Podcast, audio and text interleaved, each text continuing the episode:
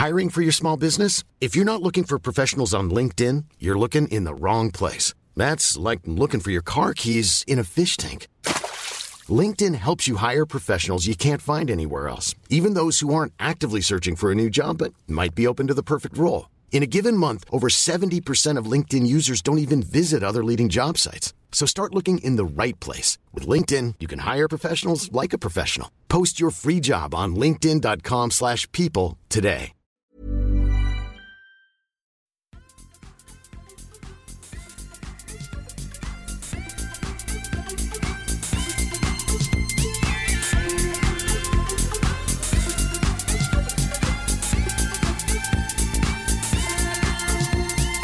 Då ska ni vara hjärtligt välkomna tillbaka till ett nytt avsnitt av Kedja ut tillsammans med mig Tommy Bäcke och Niklas Nyman. Och Elina har jag fått till mig att du är innehavare av två stycken banrekord på Örebro-touren.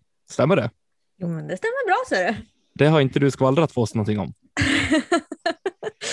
Nej. Det, det, ska våra lyssnare behöva skriva till oss och säga att det här måste ni ta upp i podden för Elina är för blyg för att sticka ut, säger de. Ja, alltså det första var ju kul för det var ju en bra score. Det andra känner jag väl inte riktigt själv att jag förtjänar, för det var ingen rolig score. Där gick jag liksom ifrån, det var då när jag skrev till er i bilen. Det var den rundan. Aha. Mm. Så att, ja, ja. ja. Men vi kan, eh, du ska få berätta mer om det en, en annan gång, men eh, idag ska vi faktiskt lyssna till någonting eh, väldigt intressant i form av ja, Masters-VM. Och som gäst i dagens avsnitt så har vi Åke Wallbäcks. Välkommen! Ja, tack! Tjena på er allihopa! Är det bra? Det är jättefint. Ja, Mycket härligt, bra. Härligt. Ja, eh, det var en fröjd i fjol på SM, Åke, att se dig spela. Eh, faktiskt, måste jag säga. Då spelade du i MP40, va? om jag inte minns helt fel. Ja, stämmer. Jag var i den lägre divisionen då, om man säger så. MP40. Ja. Men det gick ju bra ändå, så att säga. Ja, härligt att spela i Umeå var det. Eh, lite speciellt, men härligt. Ja. Eh, vad var det som var speciellt? Var det banorna eller var det förhållandena kring tävlingen med coronan och det eller hur? Ja, hela säsongen var ju väldigt konstig i, i allmänhet, men eh, i synnerhet så tyckte jag kombinationen av eh, de två banorna var väldigt rolig. Eh, jag fick liksom hela tiden utveckla mig i spelet runda för runda för runda som jag gillade verkligen. Till slut så hade jag en riktigt bra plan sista varvet som tur var då, så att, mm. då gick det, gick det bra. Ja. Eh, jag kommer inte ihåg marginalerna, men visst var det ändå var det tajt in, in till det sista eller vann du med rätt många kast till slut? Eller? Ah, jag tror att jag hade några kast till godo. Det gick ju väldigt. Jag gjorde min bästa runda sista rundan så att jag, jag tror jag drog iväg eh, några kast där, så att jag var ganska trygg framåt de sista sex hålen tror jag. Så hade jag väl en, jag vet inte, jag kommer inte ihåg nu, fyra, fem kast kanske max. Ja, ja. just det. Ja, men härligt. Det var roligt att höra ändå att du tyckte att det var roligt med banorna också. Eh, som arrangör så är det ju alltid spännande att få höra olika åsikter och så där. Mm. Vad folk har tyckt ja. kring banorna. Ja, om jag får utveckla det lite grann bara just i Umeå då. Eh, jag hade ju en helt felaktig gameplan inne i, på, här heter det, i, nej, vad heter det? I, I20. I20 precis. Ja. ja. Hade helt fel plan där de två första rundorna och spelade riktigt dåligt på några hål. Sen var jag vass på de andra. Men eh, några hål förstörde väldigt mycket av rundorna där. Men sen så fick jag analysera och tänka till. Där det var något par fyra eller något par fem hål, de två stycken hål i rad när jag bestämde mig för att jag inte skulle vara så aggressiv och gå för birdien, då helt plötsligt så gick jag väldigt bra. Då liksom släppte hela rundan. Så. Jag tror det var nyckeln till att jag fick reflektera lite. Där. Det torde ha varit hål två och tre. Ja, det, ja, det stämmer. Ja, rackars de, hål det. Och de är ju inte, du är ju vänsterhänt, vänsterkastare. Ja. Eh, de är ju kanske inte jättevänliga för vänsterkastare sådär spontant när man tänker på hur, hur layouten är på dem. Samtidigt så var det 16 andra håll och som gick desto bättre. Så när jag fick bara lugna ner mig på de två så gick det bättre. Ja. Konstigt va? Ja. ja jag längtar till jag kommer till, det, till den punkten i livet där jag kan liksom känna och resonera på det sättet.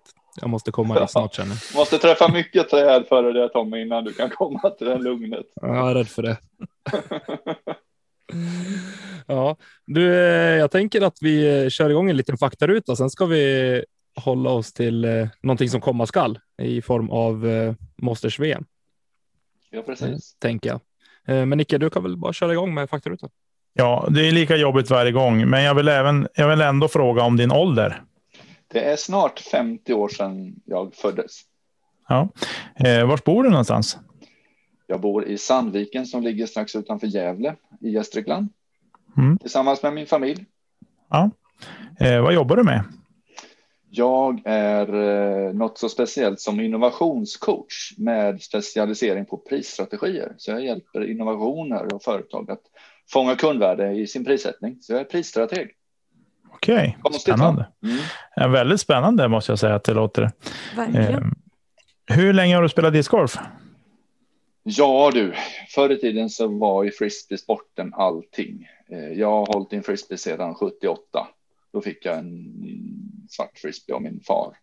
Och sedan dess har jag väl hållit en frisbee hela tiden. Men discgolf i, eh, i, i sin rena bemärkelse har väl varit sedan 86, 87. 1986, 1987. Alltså inte 1887 utan 18. så, det, så, så länge sedan är det. ja. eh, vad var det för disk då? För det är min nästa fråga. Vilken var din första disk? Ja, min första diskgolfdisk var nog en hederlig rock. Kan det, nej, det kan det inte varit. Det måste varit tidigare. Det stod Champion på den. Jag, jag vet inte. Det stod Champion. Jag trodde att det var ett, eh, en modell, men det visade sig att Champion var ju Innovas diskar. Jag hade sådana här diskar med kryss på. Uh, vet ni vad jag kan mena då? Så kallade first runs fick jag reda på att det var då. Så jag visste inte vad det var för uh, sorts disk. Jag tror inte det kan ha varit en rocken så det måste varit något tidigare. Uh, ja, jag, vet inte vilken min första discgolfdisk var, men jag hade vetat att jag hade många sådana stjärnor och de, de gillar jag. men de åkte i, i Rocksjön då hemma i Jönköping där jag är uppvuxen. De, är så, jag lider ju så grymt av det nu, du vet alla dessa first runs. Men jag det är hade fortfarande folk som gillar de stjärnorna. Ja, men Champion vet jag att det hette, men det var ju någon som sa det sen att det var ju Innova Champion. Ja, ja man var inte så himla smart så man hade ju bara. Ja, så är det. Ja, härligt. Du, vilken är din favoritdisk? Ja, det måste jag väl säga. Just nu har ju Keystone då från Latitude hjälpt mig väldigt bra på, på sistone, de sista två åren. Eh, den, den kom rakt in i, i, i, i baggen. En Keystone Zero Medium eh, funkar väldigt bra. Mm. Jag tänkte säga att jag vet svaret på den här frågan. ja, ja. Eh, använder du den som kastputter eller puttar du med den? Nej, jag, jag kastar ju inte putters. jag kan inte göra det så bra, så jag, jag puttar bara med putters och i nödfall så använder jag en putter för att kasta med också. Men nej, putter kastar jag mest med. Det, det råder lite interna skämt i, i min klubb och med mina vänner om, om det här med kastputter och sånt. Så ja, men, eh, men jag, helst så puttar jag bara med putters. Ja. ja. Eh, sista frågan då. Vilken är din favoritbana? Oj, eh, det finns eh, många. Jag är ju när det gäller just tekniskt och när det gäller utmaningsmässigt så är ju Ale vit eh, klar, en klar favorit. Verkligen. Den är så varierad och så utmanande så jag fått. Den är så svår för mig så att jag.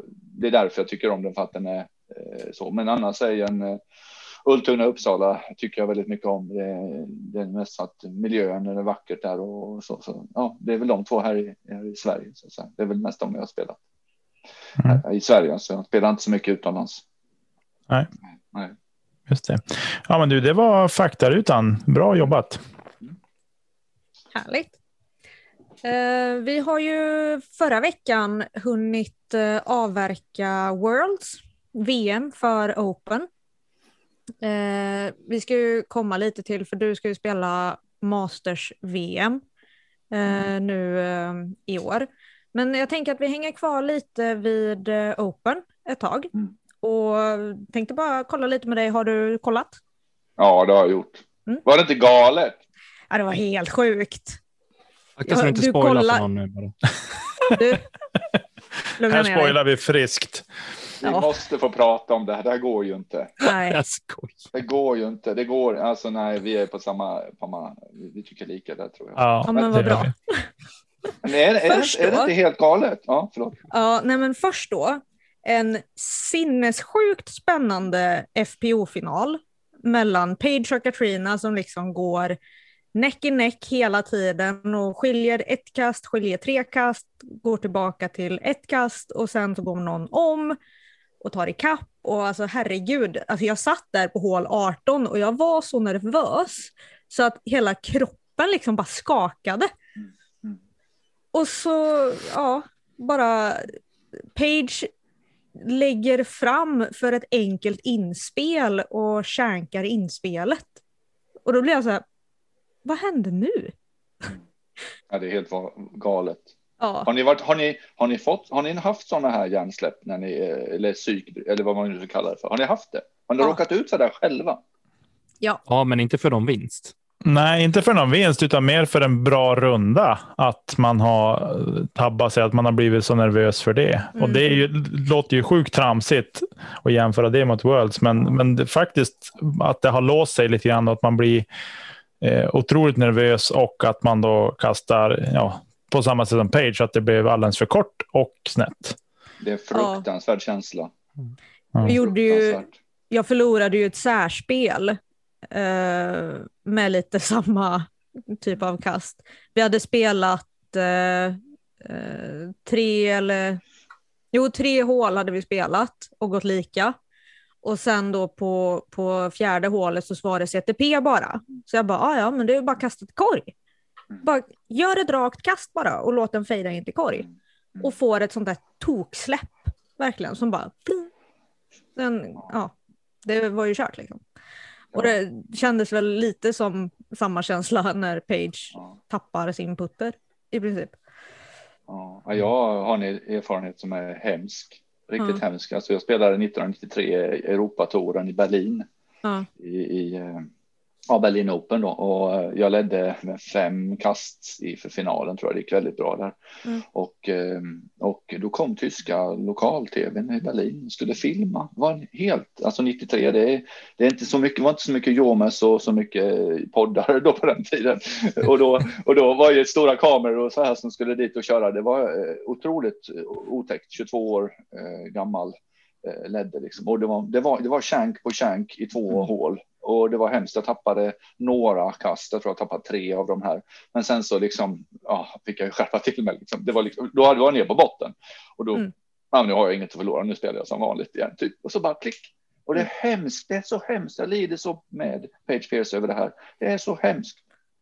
Ja, men alltså hon hade ju också bara kunnat, hon, hon behövde ju ett par Mm. i princip. Mm. Var lite samma som i MPO, men det kommer vi till. Men, hon- ja, men hon behövde ett par. Eh, och eftersom Birdin då var ganska inräknad för Katrina så, så hade det blivit särspel. Eh, och där känns ju Page i så fall som snäppet starkare på hål 16 eh, ändå. Mm. I och med att hon precis satte putten från dropzone. Eh, så att, ja. Och sen ser henne lägga upp. Så bara, men vänta nu. Du hade bara kunnat avgöra om du hade gått för green. För i värsta fall så kanske det är en putt från cirkelkant liksom. Och det är inte säkert att Katrina hade satt den heller med den, hennes darr ibland. Nej, precis. Verkligen då hade ju hon varit sjukt nervös. Mm. Och jag menar, lätt att man puttar höger, vänster eller lågt eller allting liksom. Vid ett sånt tillfälle. Jag kan ju Men, lägga eh, till det Åke, bara att du vann ju faktiskt Berlin Open där 93 i alla fall. Ja, det gjorde jag. Det gjorde jag. Ja. Ja. Och jag gjorde bort mig på första hålet istället för sista. Så det var väl lite skillnad. Men jag, jag kan känna igen känslan. Det är hemskt. Mm. Ja. Men alltså, eh, mm, jag försöker backa bandet nu till helgen. Det är ju löjligt, det var ju bara lördags. Eh, men hur var det? Hade, låg Page bättre till för sitt andra kast än vad Katrina gjorde? Så att Page pitchade fram efter att hon hade sett Katrinas drive. Det var Kat som kastade först av dem. Eh, och hon lägger sig ju eh, i cirkeln. Magiskt inspel. Ja, det var jättefint och det var Ja. lite tur också då att, att disken stannade. Eh, På det gick lite hett in eh, mot korg. Men Ja. alltså Page låg ju ännu längre fram och mer vänster, så hon hade ju en bättre linje till korg. Jo, Egentligen. men vad det jag tänkte, och det jag ville komma till, att, att om det nu var, om nu Page visste att Katrina låg på green och var safe, Mm. så tycker man ju att hon borde ha gått för det. Mm. Page. Men hon var väl rädd Eh. att kasta OB för hon hade ju inga bra stats på hål 18. Nej. Alltså Kat hade ju gått under par på runderna totalt. ja. Och Page låg ju över par för att hon hade gått OB på Mm. eh, på det hålet och de rundorna de hade spelat. Ja, precis. Ja, nej. Så det var väl det också. Eh, jobbigt i vilket fall för Page. Mm. Det går ju inte att, sticka under stolen med att man... Även jag, hade, jag såg gärna en annan segrare än Page, det ska jag vara ärlig och erkänna. Eh, mest bara för att jag tycker att hon har varit så sjukt dominant mm. eh, senast. Och det är ju ingen som egentligen har varit riktigt nära heller. Eh, sådär, utom Katrina då, emellanåt som har stuckit emellan och Hailey King också för den delen. Men alltså, i det stora hela, framförallt på Majors, så har ju Page varit eh, helt outstanding. Mm. Så, där, så på så vis tycker jag att det var lite roligt, men det är klart att på sättet det avgjordes på, det hade varit en sak om Katrina hade vunnit med fem kast. Då hade det nog varit liksom en annan grej, men just det här sättet som Page förlorar på, om man nu kan använda de orden för att uttrycka sig, så är det inte kanske jätteroligt. Så. Nej, och sen så i och med att hon missar putten sen då efter att hon har gått OB, eh, så är det ju klart. Ja. För hade hon satt putten och, och Cat hade missat birdin, då hade det fortfarande varit chans för särspel. Mm, så det var ju ändå liksom inte spiken i kistan. Hade hon, men det var ju när hon missade putten så förstod hon ju själv. För då kan Katrina lägga fram och lägga i bara. Ja, precis. Eh, såg du alla livesändningar, Åke? Ja, alla som jag orkade hålla mig vaken på. Det var ju lite sent vissa, vissa gånger också, men jag, det, jag såg mycket av livesändningar ska jag säga. Såg du finalen? Men, det, var en av dem jag inte orkade vara vaken på. Jag, hade, jag arrangerade Trilogy Challenge på söndagen så det var liksom inte läge för att komma sent till de här 110 deltagarna i Hofors. Nej, läge, så, så, så, men jag lyckades hålla mig eh, ifrån media dagen efter så att jag fick mm. faktiskt titta och njuta av eh, upp, upplösningen där. Det var häftigt. Mm. Jag kan säga, jag hade ju somnat, men jag hade liksom på plattan så här på sängbordet bredvid sängen med ljud på och allting och liksom bara somnat ifrån. Eh, jag vaknade av det som hände. jag bara så här, vad händer? Och så tittar på skärmen och så bara, vad är grejen? Tittar telefonen. Eh, då är Niklas och Ted fortfarande vakna. Vi hade en liten chattgrupp där under kvällen. Eh, och bara okej, okay. och så går reprisen och så bara, ah, okej, okay. nu förstår jag. Men hon var ju inte dålig Page, alltså hon räddade ju på 16 en superputt för par. Ah, jag ja. tänkte att ah, okej, okay, men då, hon, hon har ju längden, inga problem eh, när hon ligger upp då och går OB på hål 18. Så mm. att man liksom, ja, ah, det är inte omöjligt, men, mm. men, men jag tror nog att hon, hon la upp bara för att det var otäckt i skallen, liksom mm. för att kasta fram. Det var gum, kanske gummiarm eller gummi, ja, tankarna fanns ju där på huvudet. Va? Mm. Så eh, jag tror att hon gjorde det enklaste beslutet att kasta fram, chippa upp på första eller på mm. andra kastet. Men eh, ja, det får jag aldrig veta. Nej, precis. Så är det. Men alltså herrarna. Oh. Ja, verkligen. Eh, det, det var ju något oh. för sig nu såg ju jag inte, jag har inte sett hål 12 till ja, 18 då. Eh, hur det spelades. Men eh, när jag insåg vad, som, vad Konrad gjorde när han gjorde sin throw-in på liksom över 200 feet. Eh, det var ganska mäktigt ändå. Rädda par var det väl? Nej, birdie gjorde han ju. Det var birdie, okej. Okay. Ja, ja. Mm. Ja. Ja, det var helt, helt makalöst. Man har ju sett sådana här långa albatrosskast mm. Eh, och, och, man liksom blir helt vild och det går på eh, sportnyheterna i USA liksom. Men mm. det här, det här, det här är ju liksom ett bäst, bäst, bäst när det gäller kast. Va? Det är ju det, är det man drömmer om att få sätta, eller hur? Ja, mm. verkligen. ja, när man liksom bara stoppar undan nerverna och så bara kör och så bara går det hem. Det är så underbart. Mm. Ja, det var helt, helt galet. Jag minns att jag satt själv och bara, hände det där precis? Mm. ja. Helt, för jag tänkte säga, ja, ja, men när jag såg att han träffade träd, Konrad från T, eh, och dessutom hamnade, alltså det var en sak om han hade legat så att han hade kunnat göra en ordentlig ansats och så, så tror jag absolut att han hade kunnat nå fram till green ändå. Eh, han är ju grym på att träffa linjerna och vinklar Konrad. Men när han låg så dåligt där i, han låg liksom i, precis på släntkanten ner mot den här äh, floden eller ån eller vad vi ska kalla den, så kändes det som att nej, men nu är det klart. Mm. Eh. Ja, på något sätt så la han ju upp också, eller hur? Han hade ju liksom inget val. Nej. Han var ju tvungen att lägga upp så bra läge och det blev väl ganska bra läge. Jag tror inte att han hade helt rakt öppet fram. Liksom. Det var inte så här, nu är det bara hur många meter är det kvar, om, utan det var lite vinkel ju. Ja, han det var inte en... optimalt. Nej, jag tror inte att han hade, han hade, han såg nog korgen, men han hade nog mandot ändå till vänster om, mm. Om den linjen så att säga. Så var ändå tvungen att kasta runt rätt mm. ordentligt. Sen vet jag inte hur långt det var. Jag har inte sett någon måttangivelse, men det var ändå bra nog långt. För jag tyckte det var rätt mycket airtime ändå på disken innan den landade i korgen. Det står ju uh, alltså over 200 feet. Så att över 200 har de ju liksom estimerat att det var i alla fall. Sen specifikt vet jag ju inte. Jag säger att det är någonstans 60-70 meter fortfarande. Ja, precis. Ja. 200 feet är väl i runda slängar. 65. 60, 65 meter. Mm. Ja, det är makalöst. Jo, men just att du får den här eh, högerkurvan. Ja, men det är ju ett Konrad-kast. Ja, ja, absolut. Det är ju verkligen det. Så här, putter, ja. Anheuser ja. och glider. Jajamän. Ja. Ja, ja, det är någon som kan göra de där inspelningarna, det är det han. Mm. Helt klart. Ja. Jag tycker det som var häftigast att se, det var ändå Pauls reaktion när han ser att disken går i korgen. Den är, alltså den är, jag hade betalt dyra pengar för att få se den igen live, ja, för det var, ja, det var häftigt. Mm. Jag såg något urklipp på, eh, var någon annan medspelare där, det var Calvin Heimberg va? Ja, Heimberg. Han såg ut som han hade fått. Ja, han såg ut som han i Mupparna som bara håret stod rakt upp. Jag vet inte om det var. Nej, men han såg ut. Han var ju som han var chockad ur, ja, ur, från denna värld. Liksom. Han var Första gången han har visat känslor. Ja, precis. Ja, han var helt, helt så här. Han brukar inte. Han brukar ha allt innanför sig, men nu, nu kom det upp i håret. Såg det ut som i alla fall. Han såg jätterolig ut, men han var helt chockad. Ja, verkligen. Ja. Verkligen.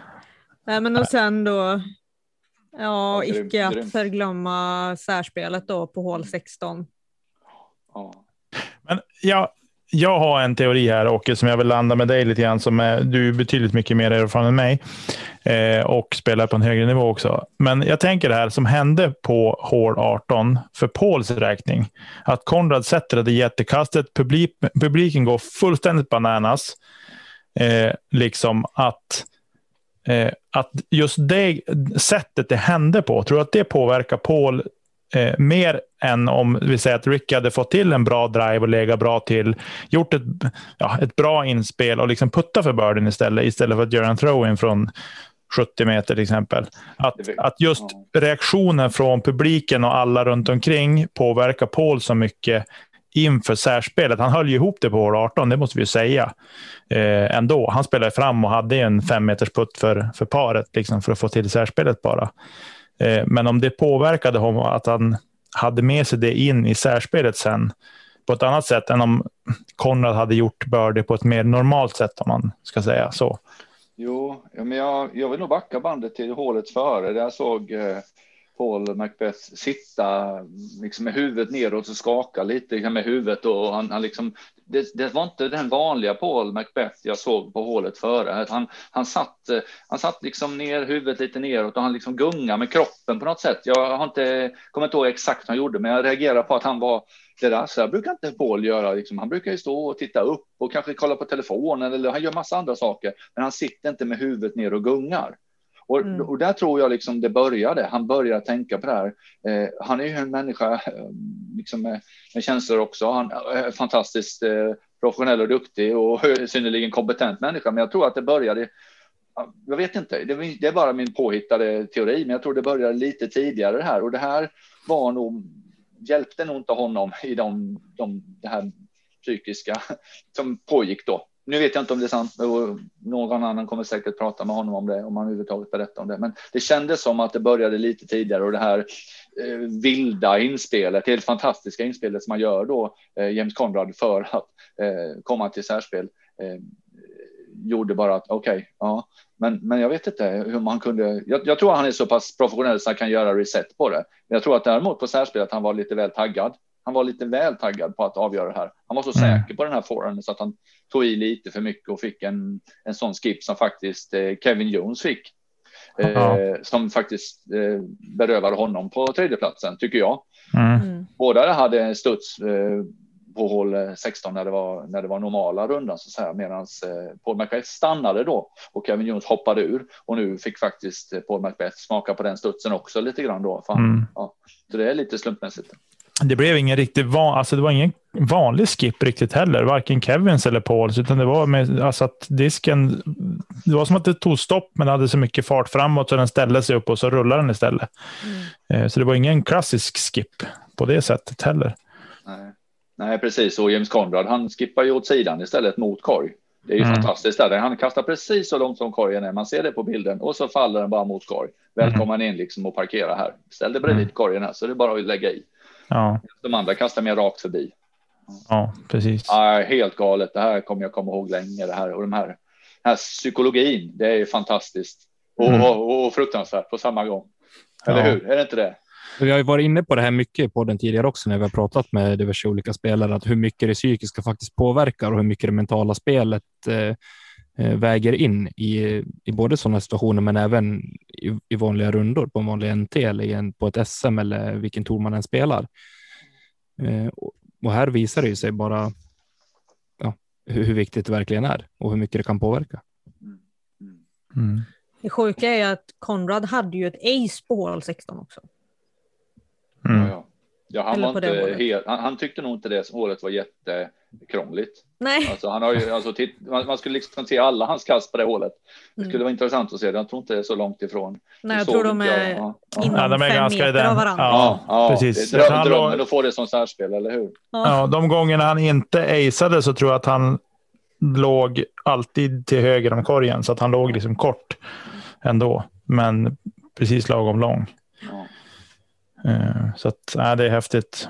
Ja, det är ju skön trygghet för honom i särspel att kunna spela det hålet just. Tänk om det hade varit liksom ett annat då som eller 17 som kanske inte var så roligt för honom. Mm. Det var ju drömmen att komma på 16 och ha det i bagaget. Mm. Att ja. veta att det här är ett perfekt kast för mig. Avsluta med till ace ja. bara klack. Ja, ja, helt, ja, det hade ju varit ännu värre, eller hur? Det hade ju liksom bara, vad är det här? De är ju ostoppbar, helt ja. odödlig. Ja, Då hade man ju bara så här, nej men jag säger upp mig, tack. Ja, Hall of Fame direkt, här kommer jag. Hall of Fame, det är bara att sätta upp honom. Du får inte spela mer nu, du är klar. Mm. Ja, precis.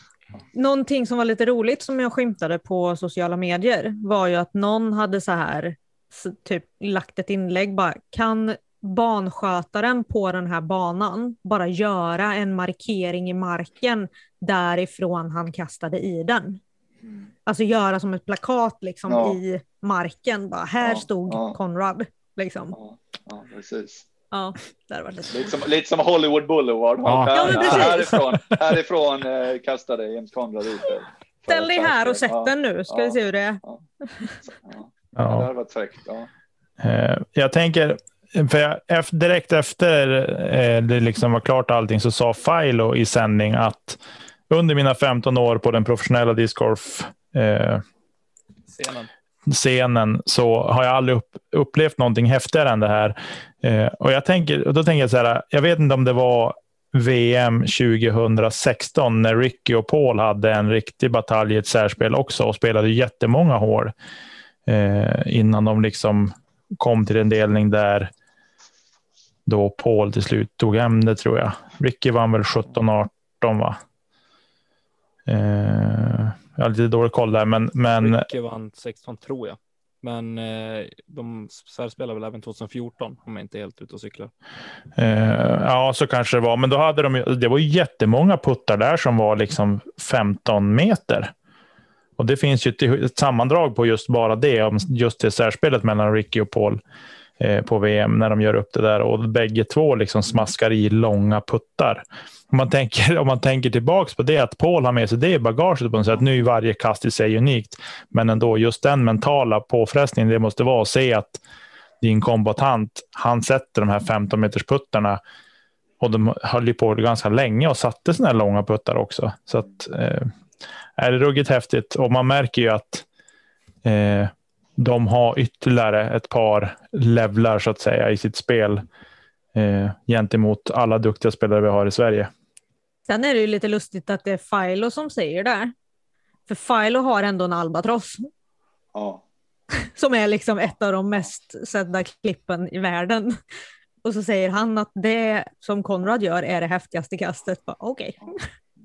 Jag tror, har, ni, har inte det här lite också att göra med då, tror jag då, att, att det här spetsen har blivit bredare. Alltså toppen är, det är flera på toppen och de blir bättre och bättre. Det går liksom inte missa alls mycket nu förrän att man är långt bak, utan mm. det kanske man kan se om man tittar resultaten att hur många är nya eller hur många kommer in där. Vi hade ju flera, flera namn. Jag kan inte några nu på rak arm, men, men det kommer flera namn där som fyller på i den här. Eh, innan var det handfull och nu är det 15 om ni, mm. ni förstår vad jag tänker. Ja, mm. Och det, det spär ju också på. De har, de, har varit vana vid att kunna vara fem stycken där, medan nu är det många fler. Det är mm. hypotes i alla fall att det, det, det, blir bredare och då, då kommer folk från alla håll. Liksom. Det kommer unga och det kommer liksom. Ja, ja, de kommer från alla håll och, och utmanar då Paul. Och, men det är klart att det kräver ju att man. Det, det, det är lättare tror jag att komma på toppen. Att stanna kvar på toppen är skitsvårt. Mm. Förstår att. Och, ja. Precis. Ja, men det såg vi ju, för det var ju många liksom, nya namn. Mm. Alltså mm. Ezra gick i lead card. Mason, Mason Ford. Ford spelar ja, mycket exakt. lead card. Uh, ja, men så här. Så att det kom ju upp och sen var det ju fruktansvärt jämnt. Typ ja. hela mm. tiden. Alltså det var ju inte många kast som skilde liksom ner till 20 plats. Så att, nej, det var spännande. Vad, tyck, vad tyckte ni om kombinationen banor då? Det här öppna golfbanan och sen det här otroligt stängda skogsbanan. Vad tyckte ni om kombon i det där? Eh, jag gillar nog kombon som sådan. Att det finns en mer öppen bana och en mer teknisk skogsbana. Sen kanske Mulligans kanske inte är den bana jag hade önskat som mer öppen bana. Så. Eh, men absolut, jag tycker inte att det ska vara eh, två skogsbanor på ett VM eller så. Jag tror att man måste ha någon typ parkmiljö eller eh, någonting lite mer annorlunda på, på den ena banan kontra en mer teknisk bana.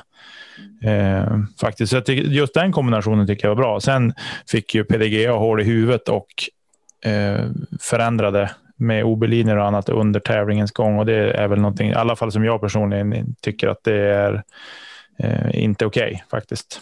Inte mm. på major så här. Nej, det är, svår, det är en svår avvägning det här.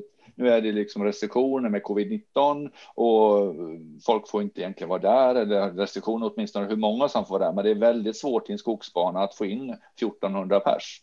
Och ni mm. ska kunna följa det liksom. De kommer ju vara vägen var de än står.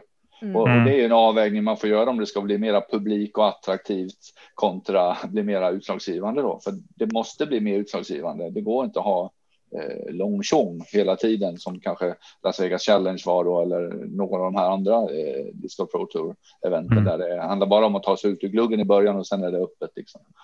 Det, det, är inte alla som är förtjusta i det heller. Nej, jag gillar också kombon, men jag har, jag har ju en drömkombo på två banor som jag hade velat sett på ett VM och det är uh, The Beast i uh, Nokia Finland och uh, ja, i samband med Tampere faktiskt. Mm, mm. Uh, där är, ligger man någonstans. Visst, ingen av dem är jättemycket skogsbana, men det är fortfarande tillräckligt svåra banor för att kunna avgöra ett VM på. Mm. om man frågar mig. Nej, men jag gillar också det här att man har en skogsbana och en ja, golfbana då. Eh, sen att golfbanan inte behöver vara lika mycket golfbana eh, är ju att föredra. Så att alltså hade man kunnat blanda det med liksom en skogsbana och sen ändå lite skog slash park på den andra banan, då hade jag nog tyckt att det var ännu bättre. Men sen så, alltså Mulligans bjöd ju på liksom svåra kast i och med de här bunkerplaceringarna och sen även vattenhinder. Um, och det var liksom inte som Heise VM i Memorial där det bara behöver ligga till höger för att vara safe, utan ja, det var ändå liksom vatten lite här och där och bunkrar här och där. Då. Vi har ju haft det. SM i Sverige på en golfbana. Jag vet inte om ni kommer ihåg Borås SM mm. som gick för några år sedan. Eh, då hade vi ju en bana då på Ymer och så hade vi den andra banan i eh, Sveg. Nej, herre, ja, vad heter det? Svenljunga. Sveg, Svenljunga heter det. Ja, och då var det på golfbana och det var eh, Eh, det var väl mixade kommentarer kan väl säga för att vara lite snäll då kring det här. Det var väldigt platt och eh, väldigt blåsigt. Det var stormigt. Det var fruktansvärt. Kastar man 70 meter fram så åkte man 80 meter bak då om man kastade för dåligt. Ja. Och, och, och, det är ju ingen trevlig upplevelse. Det går ju faktiskt eh, göra eh, mer av det, så att säga, använda ruffen och träd mycket bättre. Men jag är generellt inte så förtjust i golfbanor som diskgolfbanor. Det är jag inte. Om man, I så fall kan man åtminstone hålla sig till nivåskillnader och skog och, och sådana här saker, utan inte bara inte bara tjona på långa fairways. Liksom. Det är inte. Vi, vi, ska, vi, vi förtjänar en egen sorts natur. Ja, men mm. lite så tycker väl egentligen alla vi tre också. Mm. Eh, men som du säger, man kan faktiskt använda det som är bra med en golfbana. Mm. Och det är ofta att de har väldigt fin miljö runt mm. alla stora öppna fairways. Ja. Så att du kanske har halva hålet är en fairway. Mm. mm. Men sen så kastar du in i ett skogsparti eller längs med i skogspartiet istället mm. för ute på golf-fairway. Då. Ja. Eh, så jag tror man kan göra mycket med det. Men jag gillar ändå tanken att, att de faktiskt gjorde liksom att de hade Ymer och sen gjorde en annan bana mm. också. Ja, ja. Så att det är skillnad. Det ska gynna liksom mm. båda typen av spelare. Ja. Uh, helt klart. För jag tycker till exempel, jag har jättesvårt för att spela i vind. Däremot så är jag lite bättre på att spela i skog. För det är det jag är van. Mm. Ja. Så det blir ju svårt för mig då att spela på en öppen bana medan det kanske är svårt för någon annan på en tajtare bana. Ja. Nej, men precis, och det, det är klart. Men jag, jag, gillar ändå idén om att, så att säga, öppna upp, för det är väldigt fantastiska anläggningar som du säger Lina. Det är ju liksom inte komma ifrån att det är välskött och det är organiserat och det finns allt möjligt där. Dessutom så går det faktiskt följa utan att behöva liksom jaga in i, i skogen bredvid fairway. Mm. Så det, vi får liksom hitta en väg framöver där vi kan liksom kombinera det här öppna och kontra svåra. Mm. Det är ju så svårt eh, då man jag hoppas ju inte att discgolfen ska gå i den fällan att man tappar bort sin produkt i att för att det ska bli så publikvänligt som möjligt och att liksom som man, om man tar till exempel hockeyn eh, och svensk hockey som jag följer mycket.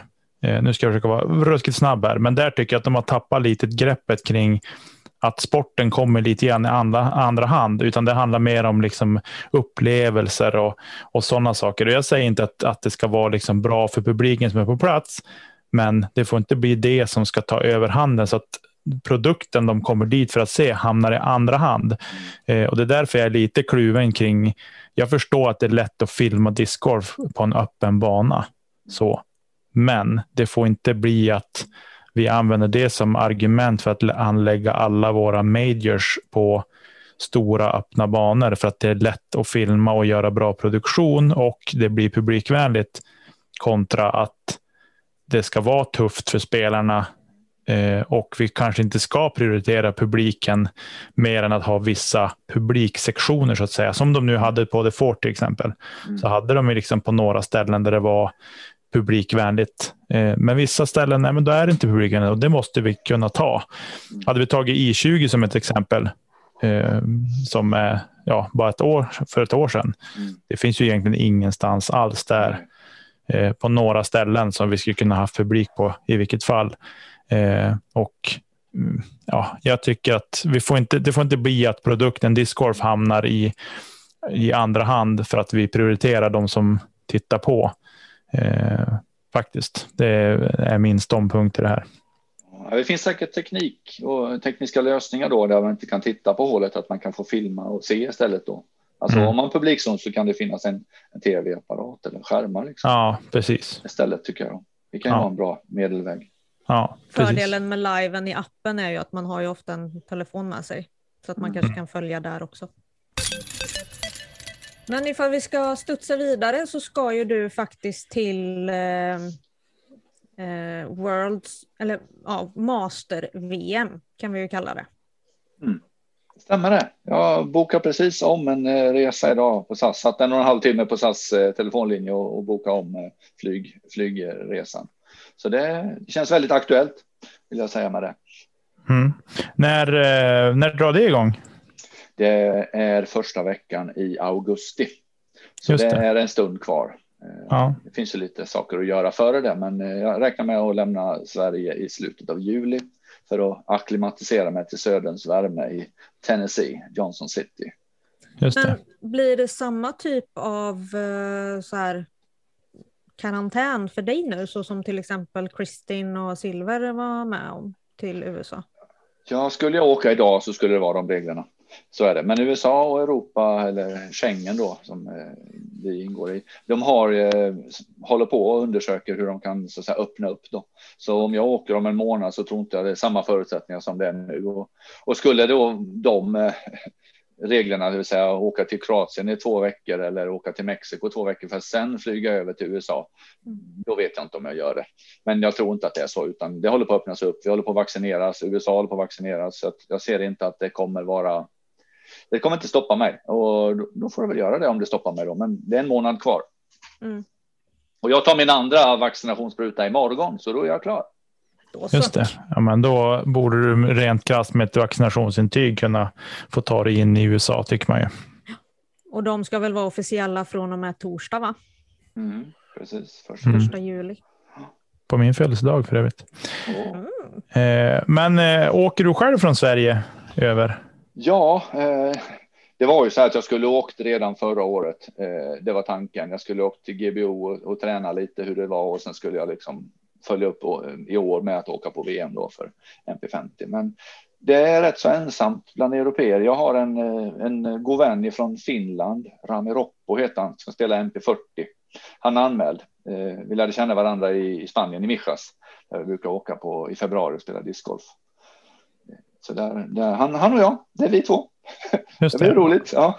Men eh, han flyger över till Sverige först och sen vidare eller? Vi har inga ressällskap på det sättet utan vi, vi teamar upp när vi är där. Om vi ska ja. teama upp överhuvudtaget. Jag har ju min eh, teamkapten där, Kevin eh, Gleason, som, eh, som ska jag hänga med då. Ja, just det. För, för latitud. Han är ju latitud teamkapten där. Mm. Just det. Han ska dit också. Ja. Just det. Men vad, hur har det gått till allt det här med att du har fått veta om att du skulle ha fått en plats eh, och så vidare? Kan du berätta lite grann om hela den här eh, ja. processen? Ja, jag måste säga det att 1992 så vann jag Sverige-touren då, NT. Och eh, på den tiden så hade det varit liksom inofficiellt att man var, hade rätt till att åka till PDGA-VM. Och 1993 då, 22 år gammal, så hade jag väl inte möjligheterna eller finansiella eh, möjligheter på något sätt att åka dit. Så där börjar ju min liksom, önskan och längtan att jag ska åka till eh, ett PDGA-VM någon gång. Och sen har familj och jobb och sånt skojigt i vägen. Så det har varit en jättedröm, en jättelängtan för mig att göra det här. Och när barnen blivit äldre så ville jag ta chansen då så att säga att, att ta ta upp den här drömmen igen. Och, eh, och då bestämde jag mig att det här ska bli min 50-årspresent. Så då kom en inbjudan då från eh, PDGA centralt om att jag var så att säga eh, behörig då, hade rätt antal poäng eller för att så att säga tillåtas att anmäla mig till PDGA-VM. Och då kan man anmäla sig då i MP50 eller MP40 eller ja, för den delen Open också då, om jag hade velat det tror jag. Det hade säkert funkat det med. Men där började det hela och jag bara yes, nu kommer den. Nu fyller jag 50, nu gör vi det här. Kom igen Åke, du får den här som födelsedagspresent till dig själv. Det blir väl mm. bra? Ja, det tyckte jag. Så jag tackade ja till den presenten. Och då var, eh, var det väl bara att, att, starta planerna då som jag hade liksom grott lite i mig då sen förra året när det blev inställt. Mm. Så så var första steget då och lång bakgrund. Ja, just det. Ja, men spännande. Det ska du jag ska inte lägga samma press på dig som Kristin eh, Tatar upplevde att hon hade under VM, men vi hoppas ju verkligen att du ska eh, lyckas väl där borta ja. på, på andra sidan pölen. Det är, tuffa, det är tufft motstånd, Niklas. Alltså det är ju alla som är före mig har ju någon, någon sorts världsmästerskapsmedalj eh, eller åtminstone väldigt eh, bra placering på sådana här event jag har ju min Berlin Open från 1993 då som och, och, luta mig mentalt tillbaka på. Men, eh, men eh, det är klart att jag inte varit i USA och tävlat på den här nivån och det är det som är så häftigt. Mm. Det är det som triggar mig. Det är inte liksom det är inte själva att stå där och ha någon sorts medaljambitioner, utan det är ju faktiskt att vara där och sen får jag med mitt psyke så, så får jag väl försöka eh, utgå från mina förutsättningar. Då. Mm. Är, det några, är det några namnkunniga med som du kan hinta om? Jag har inte varit inne och kollat någon spelarlista. Ja, eh, Barry Schultz är en rätt så duktig kille. Han spöar ju eh, Ken Climer då på PDGA-VM. Han är synnerligen kompetent. Eh, ja, det finns flera där i MP50 också. Då. Som jag sa, de är eh, ja, Ron Converse. Det finns, det finns flera. Jag, jag har ju ja, följt, följt de här. Ja, Steven Rico, eller ja, Rico heter han väl, inte heller helt dålig. Så det, det, finns ju fantastiskt kompetenta spelare, åtminstone lätt sex stycken, och förmodligen ännu fler som jag inte kan namnet eller har följt upp. Så mm. det, är, det är skönt att se ja, de i min ålder som är så pass duktiga så att man får liksom chansen att både gå med dem och mäta sig med dem. Det är väl det som är häftigt. Mm. Precis. Eh, vad har du, du har ju spanat på banan gissar jag innan och försökt bilda dig någon sorts uppfattning om den. Hur känns det? Liksom, eh, du kommer hinna träna den såklart, men, ja. men eh, ändå, hur, hur känns banan? Hur tror du att den kommer att passa för ditt spel?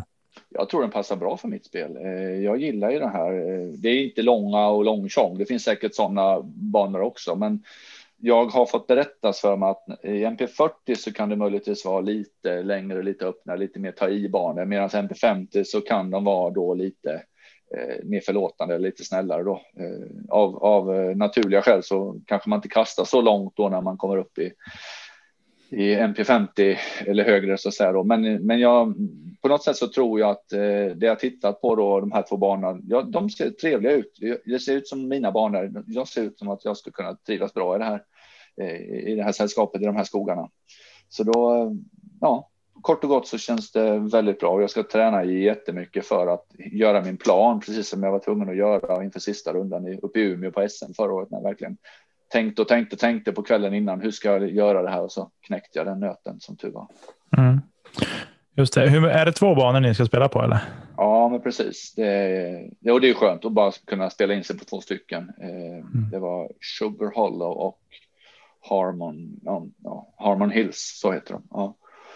Det, jag, vet, jag vet inte exakt hur de är. Det finns lite Youtube-klipp på dem, men eh, som sagt det, det handlar om att vara riktigt bra i fem runder i rad eh, och det, ja, det är det som gäller. Jag vet förutsättningarna. Men det gick ju, jag, som sagt, jag spelar ju väldigt bra i Mora och, och, och jag känner mig i, i, bra form. Jag har känt, aldrig känt mig i så bra form som jag har gjort de här två åren. Och så förutsättningarna finns ju där, tycker jag. Och det känns ja. skönt. Härligt. Härligt att höra. Det är ju inspirerande för oss också som, som ska följa dig. Eh, så det är otroligt spännande. Vi får ju helt enkelt hoppas att du spelar utifrån dina bästa förutsättningar. Ja, ja tack. Men precis, precis. Jag kan, inte, jag kan bara påverka mig själv, eller hur? Jag kan mm. inte påverka någon annan eller så, utan jag får hålla mig till mitt och, och, och, göra det jag är bra på. Och så får jag lägga alla dessa chansningar åt sidan utan veta när jag ska gasa och veta när, veta när jag ska köra på mellanväxeln mm. och, put, och putta bra. Det är det ja. som är grejen. Det är, vi kan kasta långt, men det spelar ingen roll när vi kommer till korg, va? om vi inte kan få i den där. Nej, precis. precis. Spela med huvudet är man berättigad när man spelar master, det har jag fått lära mig. Ja, jag har Nicke låtit folk få veta om inte annat. Ja, ja precis. Ja. Nej, men det blir nog så. Jag tror att eh, man blir kallare och mer liksom, eftertänksam och sen tror jag man har fått göra sina misstag lite grann och fått äta upp det några gånger också. Mm. Så då, då, tror jag man kan helt enkelt eh, fatta att men nu lägger jag upp istället för att gå för den här dödsputten. Liksom. Eller så känner man att ja, men det här verkar bra, jag känner mig trygg och så kör man. Mm. Och inte älta det då i fyra hål senare då att det var fasiken missade jag det här för. Nej, Nej det gör jag. Så, så gör jag inte utan det är bara att lägga bakom sig. Jag känner man inte att man kan vara bekväm och ta de besluten så gör man nog bäst i att faktiskt eh, lägga upp och ta det som, eh, som ligger framför en. Mm. Eh, men personligen kan jag känna framför allt att vi faktiskt har en svensk som ska spela eh, ett VM. Det, det gör mig fantastiskt stolt i alla fall eh, och ha någonting att faktiskt följa och faktiskt med hjärtat säga att jag hoppas verkligen att det går bra för, för Åke nu och att vi får mm. följa det med lite närmare också. Jag hoppas att det kommer någon typ av coverage eller att vi får se det på live-appen i alla fall. Vi är otroligt glada och varm i hjärtat när du säger så. Tack så jättemycket för att ni, ni ser på det så här och jag ska göra allt jag kan för att motsvara mina förväntningar i alla fall. Era förväntningar kan jag inte ta någon garanti för. Utan att lägga för mycket press.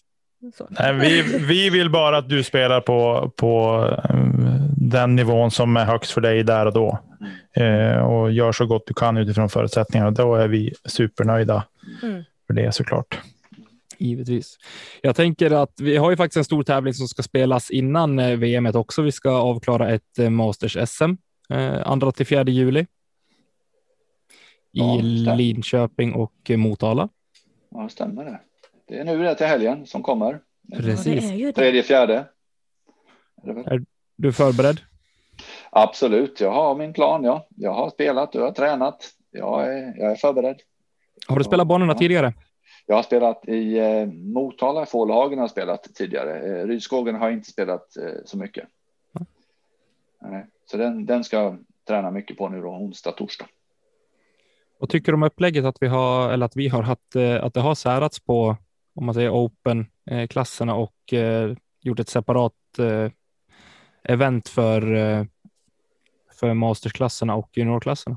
Jag gillar det skarpt. Det gör att ännu fler kan spela i Open. Alltså vi öppnar upp för ännu mer spelare i Open mm. och dessutom så finns det möjlighet för för de här som vill spela åldersindelade klasserna att faktiskt mäta eh, sina kompetenser med de som är ungefär samma ålder. Då. Så jag gillar det jättebra. Jag tycker det var ett kanonbra steg och inte ett år för tidigt så att säga. Så det, det är bra. Vem blir din eh, största motståndare? Eller din främsta, ditt främsta hot? Får man säga så? Ja, ja det, alltså jag har ju jag har ju spelat mot eh, de flesta här och jag vet ju vad de går för och eh, såklart eh, en spelare som vinner en fjärdedel av alla sina tävlingar han är med på. Han borde ju ändå utpekas som eh, som favorit och Jonas Helleblad. Eh, det, det är ju bra statistik tycker jag. Eh, av fjärde event, åtminstone om man ska följa PDA då deras statistik. Mm. Sen har vi ju en, eh, en duktig och kompetent eh, lugn herre från Härnösand, Per Gylle skulle jag säga. Han, eh, han vet hur man spelar bra och länge. Han har varit där, han har gjort det. Han har stått emot de här pressarna. Och sen har vi hemmahoppet då, Rickard Kappling, skulle jag säga, är de som, som liksom sticker ut i mina ögon där. Faktiskt. Mm. Ja, det är många profiler. Ja, men det och även MP40, alltså herrejösses, där är det ju väl ett getingbo om något om ni har sett det. Anders Svärd, Henrik Wahlman, eh, Micke Pettersson, Christian Bengtsson inte minst. Alltså hallå, det är kul att de får spela eh, Masters, SM och junior eh, mästerskapen eh, på något sätt, eller hur? Alltså de har ju alltid velat och, och velat mäta sina krafter i Open och så nu får de chansen att liksom och, eh, och spela eh, den här åldersindelade eh, varianten. Även om man saknar några stycken. Och det finns ju några till som är, inte minst han, eh, Marcus Källström då. Mm. Och Hasse Tegerbäck då i MP50. Hade jag ju också gärna sett var där, men nu har han andra planer. Mm. Ja, det är ju alltså många. Ju längre nu, nu är vi ganska färska jämfört med med din karriär Åke, men eh, utav de namnen som man kan läsa sig till här så är det. Det är många profiler och det är många som man har hört historier om om man inte själv har sett dem spelat. Eh, ja. Att det är väldigt, väldigt duktiga discgolfspelare. Ja. Eh, och eh, som, precis, precis som du är inne på att eh, otroligt kul att de får mäta sig mot varandra eh, på en sån scen. Ja, det ska bli häftigt att de faktiskt får, får chans att göra upp på, på den scenen. Det gillar jag skarpt. Ja. Sen har du ju på damsidan, jag vet inte hur mycket ni har pratat om det, men eh, det finns några stycken där med Pia, Linda, Sofie Björlycke inte minst, mm. Eh, som är med. Det, men som sagt, då, det ska spelas också, det har vi sett, eh, inte minst föregående på PDGA-VM nu då. Det, det, ska spelas hela vägen. Mm. Eh, det är inte avgjort från sista hålet, helt uppenbart, eller hur? Helt uppenbart. Sen Sofie anmälde sig ju faktiskt typ förra veckan. Mm. för hon har inte varit säker på att kunna spela nu heller. Nej. men nu känner hon väl att suget är större än någonsin i och med hur det var förra året också. Eh, och bestämde sig för att anmäla sig. Då. Det är ju jätteviktigt. Det är ju den största drivkraften såklart. Det spelar ingen roll hur duktig du är om du inte liksom tycker att det är skoj. Du måste ha mm. den här drivkraften, glädjen, kärleken till det här som propeller. Mm, så är det. Juniormässigt då? Tror ni någonting där? Har ni koll på era juniorer? Max Ringbom. Ja. Färdigt. Häftigt. Ja. Jag säger nog eh, Oskar Dalin. Mm. Ja, ja, i 18 mm. klassen. Mm. Då säger jag Elias Gripler eller Elliot Jonsson ifrån Härnösand. Elliot Jonsson gjorde ju, spelade ju om eh, särspel om andra platsen i Umeå förra året och mm. Elias Gripler vann. Elias Gripler har ju vunnit i Rydskogen och det är tre runder man ska spela där. Jag tror att kan Elias hålla sig lite mer i mitten på fairway så, så har han inga problem med längden kan jag säga i alla fall. Ja, eh, jag bryter väl av och säger Rulle Eriksson då. Mm. Lite grann.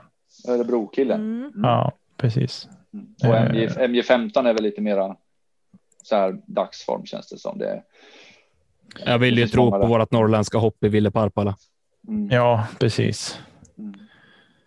Men jag håller ett extra, en extra tumme för Alfred Nilsson också, självklart. Som, eh, självklart. Det gör vi. Sen är det, det är öppet i, eh, i de andra klasserna. Alltså. Jag, jag vågar mig faktiskt inte på några gissningar. Det, jo. Det som du är inne på. Ja, jag gör faktiskt inte det. Eh, ja, men om vi. Jo, jag, jag sticker ut hakan. I MP, MP40, då säger jag Christian Bengtsson. Bara för att lägga lite extra press på han. Mm. Eh, Undrar ifall han spelar med vagn nu. Det är ju ändå master. Ja, och om man kanske kommer, kommer kasta forehand också. Det skulle vara intressant att veta. Det skulle vara jättekul att se honom kasta forehand. det är nästan lika sällsynt som jag kastar forehand. Ju. Eh, och sen, sen i MP50 så ja, Gylle är ju livsfarlig, men det är ju. Jag har lite för dålig koll här, men jag, jag lägger mina pengar på dig Åke. Mm. Eh, helt enkelt. Jag tror på särspel mellan Helleblad och Åke. Oh. Du, du, du, du, trycker dig dit alltså till ett särspel. Oj, oj, oj. På hål 16. ja. Jag vet inte ens om det är det, men det vore ju lite roligt. ja, verkligen. Men eh, sen också. Vi får ju hoppas då att Jonas inte har spelat tre event före det här nu, så att det här inte är fjärde, så att statistiken liksom stämmer. Utan ja, kommer, ja, precis. Kommer liksom, ah, fasiken vann förra, nu är det kört nu. Ja, bara 17 också, nu kommer jag ju förlora. Ja. Sen i master, Promaster 60, ingen aning. Har du något tips där, Åke? Nej, eh, Olle Samuelsson är tyvärr inte med. Annars hade jag ju bettat på honom. Han är ju vass. Men jag, jag tror inte han Olle Samuelsson är med, så jag har ingen bettar tyvärr. Jag ber om Nej. ursäkt alla mina äldre kompisar ja. att, jag, att jag inte scoutat det tillräckligt. Men det, ja, så lägger Nej, jag inte pressen på någon. Nej, halva startfältet har ju även sexsiffriga PDGA-nummer, så det är nog en hel del nya färska spelare också, vilket såklart är jätteroligt. Eller de har i alla fall inte varit medlem i PDGA så länge, ska sägas. Mm. Vi har även Anders Svensson, 1582. Det är respekt. Ja, det är respekt. Det är väl lite av en hemmaspelare. Det var han i Norrköping. Ja, Norrköping. Han var ju med och startade discgolfen i Norrköping. Ja. Eh, sen i damer då. Eh, FP40 ja, Sofia är ju svår att, att ducka för, men, men eh... tror ändå Pia och Linda kan komma ganska nära nu. I och med ja. Sofies skada och allt det så tror inte jag hon spelar riktigt i sin fulla potential, även om jag verkligen vill att hon gör det.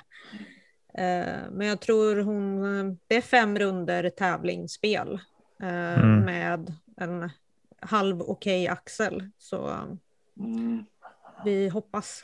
Det är svårt med skador, hur kroppen fungerar och håller tillbaka och så.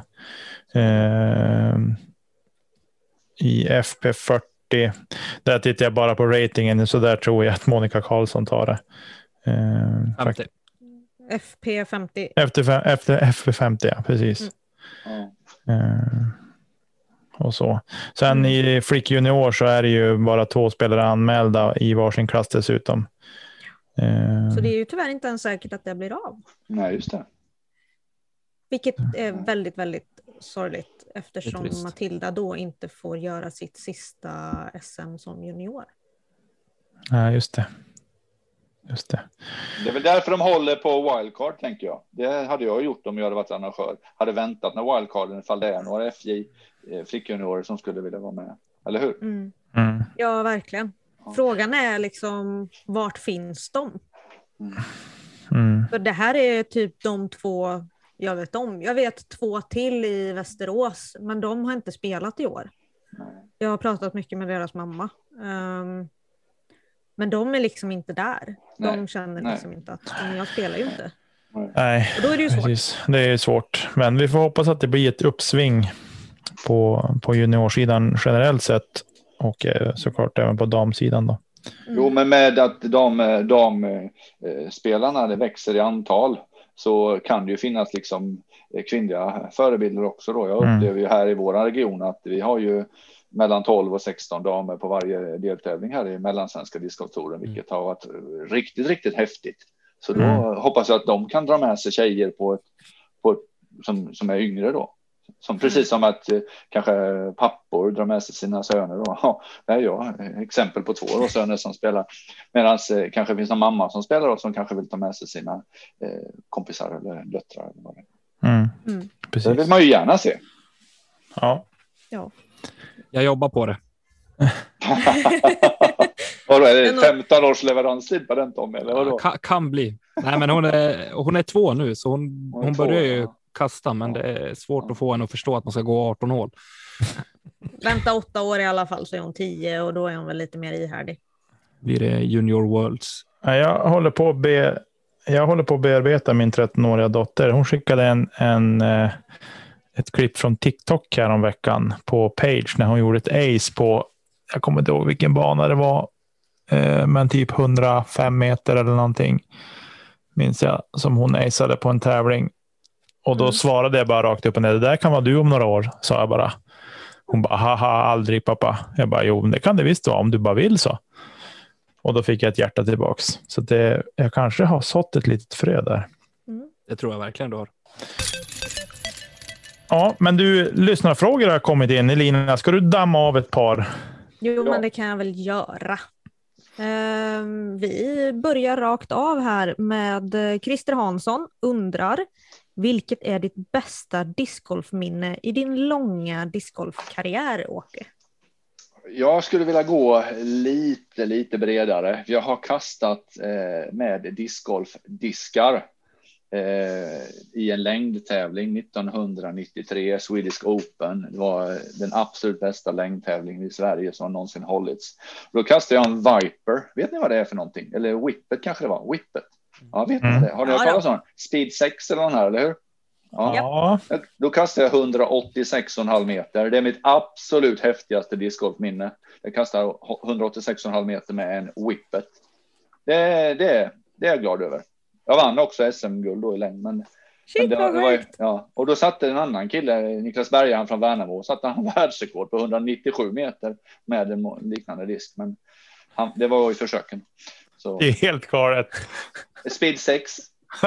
Det är liksom som att kasta en warship eller en, ja, något sånt där. En kaxa eller något. Ja, kaxa, precis. Ja, det finns ju andra alternativa modeller då från andra leverantörer som precis. har Speed 6 också. Mm. Ja, det var, det var mitt eh, häftigaste, förutom Berlin då. Men eh, av det mer positiva slaget så var väl längd-SM då 1993 i Linköping för övrigt. Oh, mm. Spännande. Sitter vi ihop den tråden också? Vi fortsätter här. Uh, Urban Evjen skriver. Uh, vilken är den svåraste, mest utmanande bana du spelat i Sverige och utomlands? Eh, jag skulle vilja säga eh, i Sverige så är det Vikabanan som ligger några någon mil söder om Falun. Eh, har, har ni liksom prickat ett träd där, då är ni i Mordor och så får ni kämpa med det för att komma upp. Den är fruktansvärt utslagsgivande och ett mm. jättebra komplement till Åsbo. Det är jättebra, bara träffa linorna så är det lugnt, men det gör man ja. inte. Nej, nej, nej, precis. När man kommer överens med det och att man ska kasta lite lösare, då funkar den banan. Det har jag listat ut. Men i början var vi inte goda vänner på något sätt, utan nej. Men en som vi måste lägga upp då som en riktig runner-up, då är det den blåa banan i, eh, i Mijas. Eh, det finns två banor där nere nu i, eh, i Mijasbanan i södra Spanien. Den blåa banan som Seppo Pajo har lagt, lagt där, den är fruktansvärt jobbig. Det, jag kan inte beskriva det, men det är vind och det är kullar och det är variationer utan dess like och, och otroligt utslagsgivande och frustrerande. Men utsikten är värd allting. Mm. Är det där det springer massa får och grejer på mellanhålen och grejer? Ja, det är inte jättemånga, men eh, Fåraheden där, han, han håller sig ganska ofta undan så att säga. Men visst, ja, så är det. Intressant. Mm. Jag har hört att det är mycket lavasten som sliter diskarna ganska mycket. Ja, precis. Ja, det, visst är det så. Det är, det är hårda förhållanden på alla sätt. Det är mycket höjdskillnader också, så det är många steg på stegräknaren och mycket plats går åt. Härligt. Eh, Anton Lind skriver, kommer du ihåg våran dubbel i Gävle 2013? Och han undrar även när ni kör par-SM tillsammans. Ja, tack då Anton. Det där är, eh, det är goda minnen. Det var inför eh, en eh, någon tävling i Gävle som Anton och jag pratade om att vi bara skulle köra lite ihop och så här. Det gick ju fruktansvärt bra. Vi kompletterar varandra ja, helt fantastiskt bra.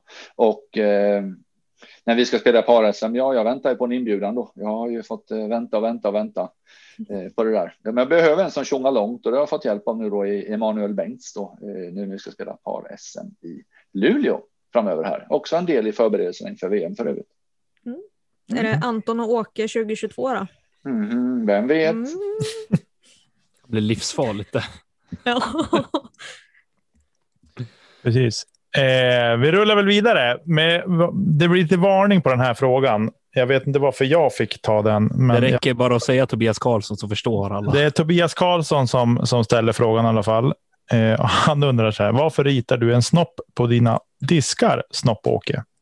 Ja, tolkningen ligger ju i betraktarens ögon och om Tobias Karlsson ser en snopp där, då, då, då får faktiskt han förklara det eh, än att jag ska förklara. Jag, jag gör en gubbe med, med två ögon och eh, hur han får det till någonting annat, det får bara han eh, så att säga förklara. Man får väl gå i någon sorts psykoanalys för att kunna reda ut varför han ser snoppar i det där, eh, tycker jag.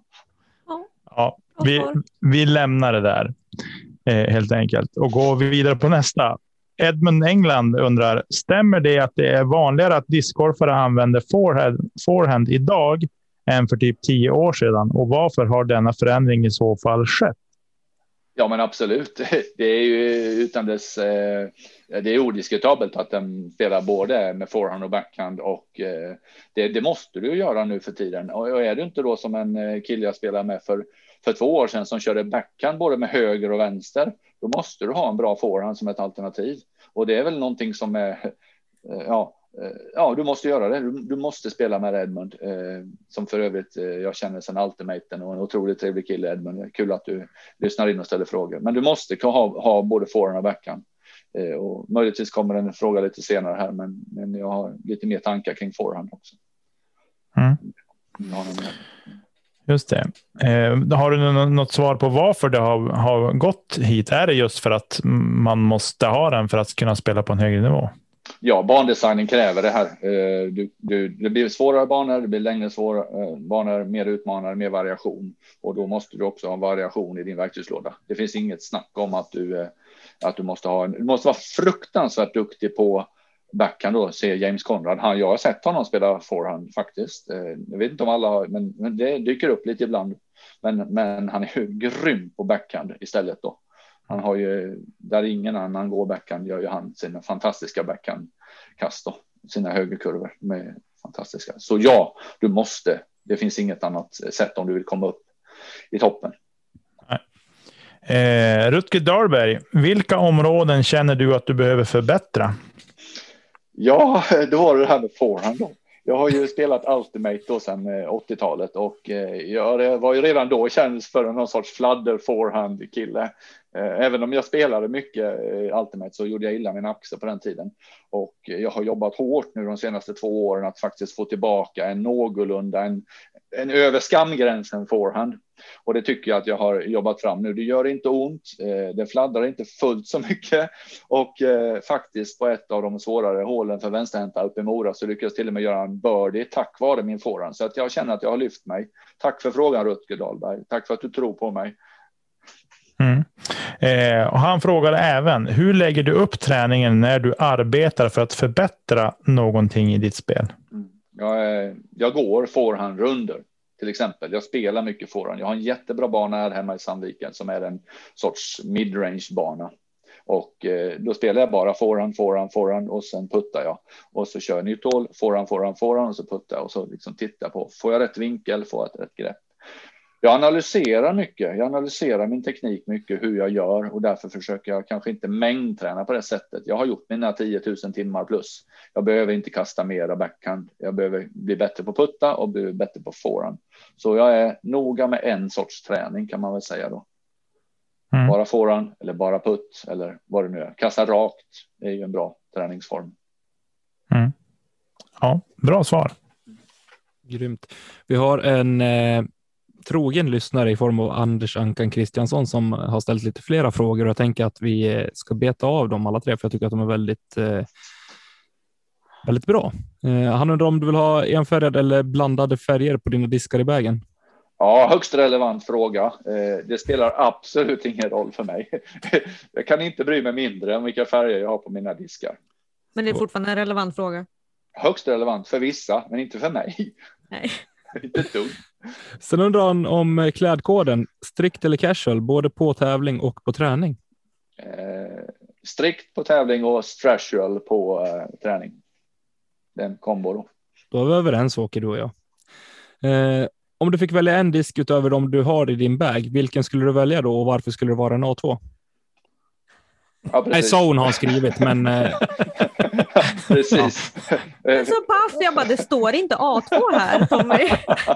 ja, ja, ja, förmodligen. skulle det vara det. Skulle det, vara det. ja, känner du att du har någonting som du får använda som eh, eller känner du att det finns någonting som saknas i det du får använda, om man säger från trilogiserien? Jag skulle sakna, jag saknar nog en eh, tilt-variant. Skulle jag, den, den saknar jag. Jag, jag. kan tycka att jag har svårt att ta mig över vissa in eftersom jag har ont i axeln när jag gör mina tomahawks eller de här eh, och, och, och då, då, skulle jag vilja hellre slå en backhand istället. Så jag kan sakna en, en tilt-variant då som verkligen går som en, som en, som en kling, sågklinga bara upp och så ner. Den kan jag tycka saknar. Men, men hur ofta sätter jag mig i det läget där jag måste spela över ett träd eller ett buskage så mycket då, då det, är väldigt sällan. Så kanske en sån eller, eller en väldigt, väldigt mjuk, sån här supermjuk disk. Du vet när ni måste få den att landa eh, på en höjd eller på en kulle. Det kan jag också tycka så här vore lite roligt, men jag saknar det inte så att det liksom hindrar mig i mitt spel det gör det inte. Jag, jag tycker att jag har hittat bra i, i Trilogys eh, portfölj av diskar. Jag, jag, har hittat hem där. Jag kände väl att min, min tidigare eh, tidigare laguppställning som jag hade att jobba med på Prodiscus, det var inte riktigt så bred kan man väl säga. Alltså fördelen är ju att du har ju tre märken att jobba med. Mm. Ja, precis. Nu då? Ja, men det är ju okay. otroligt svårt att välja disken. Ja. Så, så alltså, jag tänker så här. Eh, det finns ju Splice är ju en ny Discmania-disk som eh, går under Evolution-serien, så det är ju mm. snudd på att du skulle kunna ha en sån i vägen. Mm. Jag får väl se vilket förhandlingsutrymme jag har efter VM då att prata om sånt här. Ja. Men just nu så är de rätt så begränsade. Precis. Ja. Eh, vi ska se, vi har några Instagram-frågor här också. Ehm, eh, ska vi se, vad är den viktigaste egenskapen för att hålla fokus och kunna lita på sig själv i tävlingssammanhang? Ja, I grund och botten så måste du vara trygg i dig själv. Det handlar ju inte bara om tävlingar, det handlar om i vardagen liksom, och inte liksom gå och, och vara rädd eller älta eller gå och vara orolig. Jag är inte särskilt orolig eller ängslig av mig som person.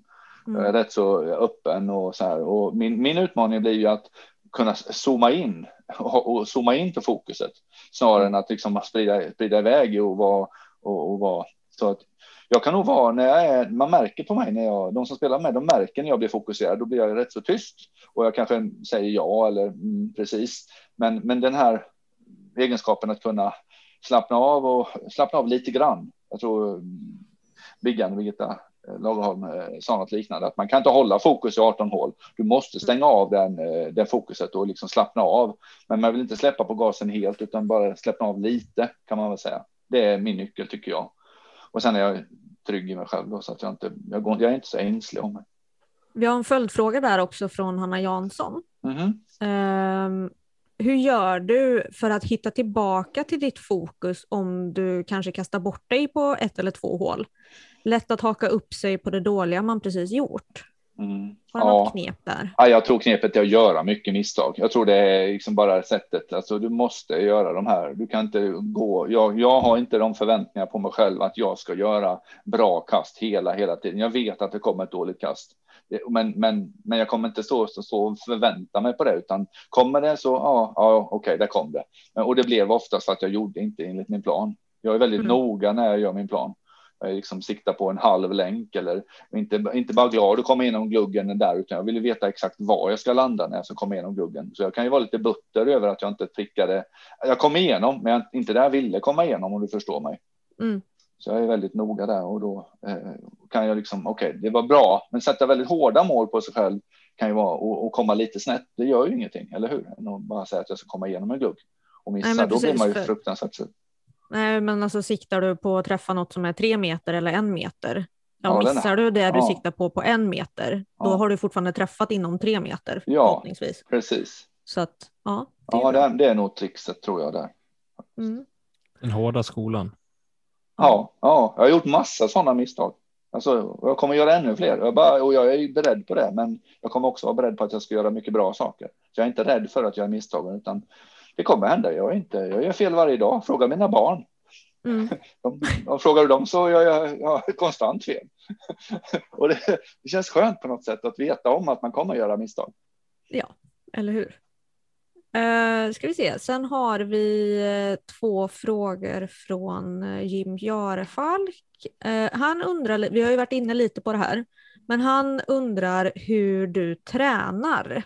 Han fortsätter putta någon stund, sen går en runda. Mm. kör du någon träningsdag som du bara fokuserar på att bli bättre och säkrare? lite multifråga. Men ja, jag förstår. Ja, men jag, jag delar nog upp mina träningar. Jag, jag, jag spelar i veckogolfen. Eh, för mig, jag får sån otrolig energi och glädje av att spela discgolf. Så att den är i min, min hektiska vardag liksom med, med, tre barn, en häst, en hund och en katt och liksom jobb som egen företagare. Jag har så lite egen tid där jag faktiskt får spela discgolf, så den är så grymt viktig för mig. Så det jag gör där, jag, jag, jag högaktar den tiden jag kan ta för att spela discgolf och då har jag två korgar på min gård. Jag har gjort möjligheten att när liksom någonting kokar eller när någonting ska liksom göras så kan jag gå ut och köra mina repetitioner av puttning. Och de står där liksom, mina två. Jag har två korgar så att jag kan liksom putta fram och tillbaka. Det är ju effektivt liksom att slippa och hämta och börja om och så. Så jag kör fram och tillbaka, fram och tillbaka. Och så mm. kör jag sådana. Och sen fokusera. Jag, kan, jag kommer inte kasta mycket längre. Eh, min träning utgår från att jag ska bli rörlig. Jag ska fortsätta vara rörlig. Jag har mina grundkast. Jag, jag kan kasta backhand. Jag kan till och med kasta forehand nu. Och, mm. och, och, och, då eh, igen. Och, och, och då är det för mig nyckeln att hålla i det, att vara rörlig så att jag inte fastnar i det här. Jag menar hur många som är 50 och kan mm. göra en kullerbytta fortfarande. Fundera på det då, liksom. fundera på dem MP50, hur många av dem som gör en kullerbytta fortfarande. Eh, mm. Och, och det, det tror jag är nyckeln. Det funkar för mig i alla fall. Det är min träning, rörligheten och behålla mina grundkast och sen puttningen färskvara. Så det möter jag hela tiden. Mm. Mm. Var det svaret tror du? Eller? Jag tycker det var ett väldigt bra svar. Uh, och lite det här det du är inne på att det är inte bara discgolf vi behöver träna utan det är mobilitet och det är liksom mm. sådana mm. saker runt omkring mm. som gör oss till bättre spelare. Mm. Jag tror jag kastar längre nu än för tre, fyra år sedan faktiskt. Mm. Eh, vi har en, eller vi har flera frågor kvar från en och samma person som undrar lite. Vad tror du om dina chanser på Worlds? Eh, vad förväntar du av dig själv i din prestation?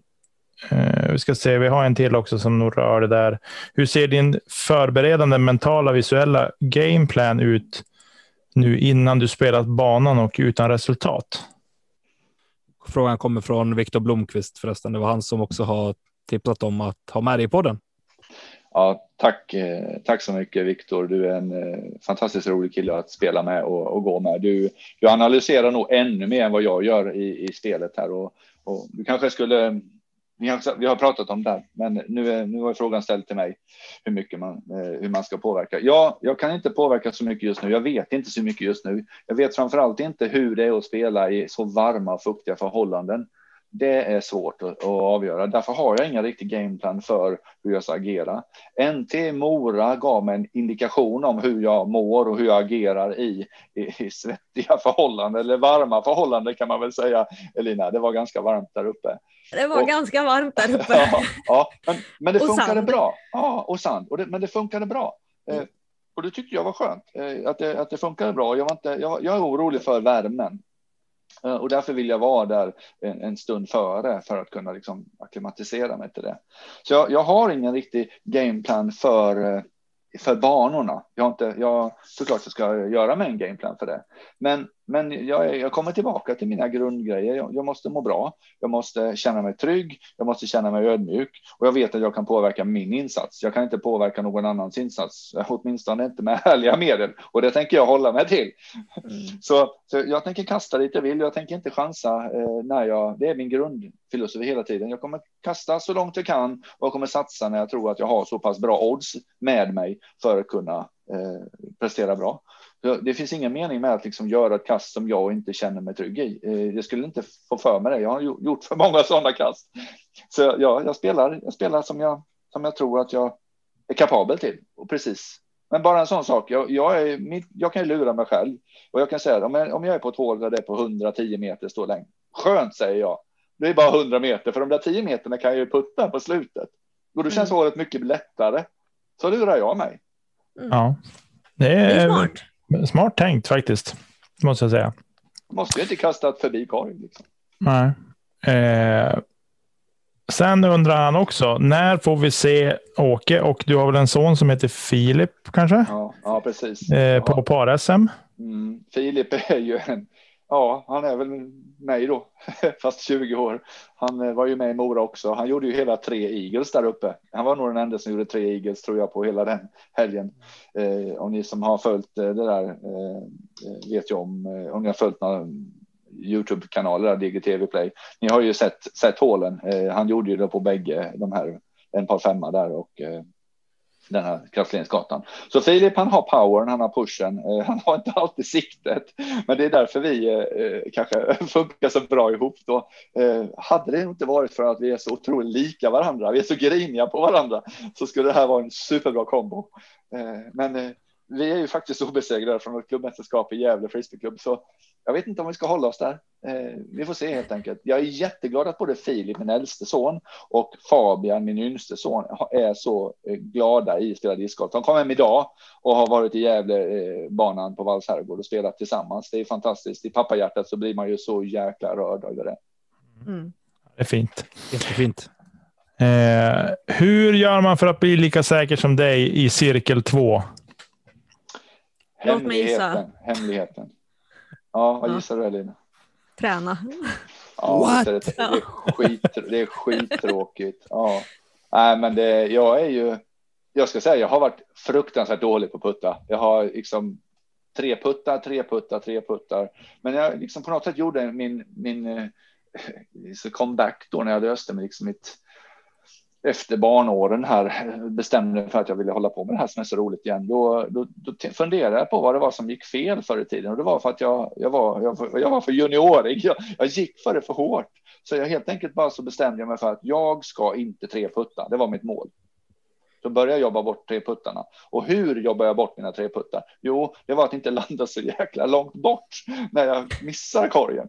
Så två var att kasta lösare och tre var att pricka mera på stolpen. Se till att du prickar på stolpen, då sticker inte den väg så långt.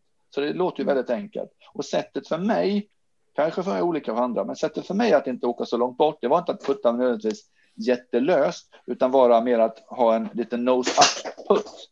Så jag bytte putteknik kan man säga.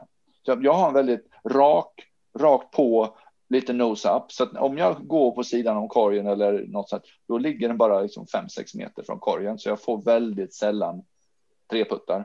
Och mm. det är den första delen. Andra delen är att jag har två korgar hemma. Eh, vissa har en puttkorg hemma. Jag har två. De, är, de står 12 eller 13 meter från varandra och bara kör fram och tillbaka, fram och tillbaka. Men jag mm. nöter inte 10 eller 20 diskar åt gången. Jag tar fyra.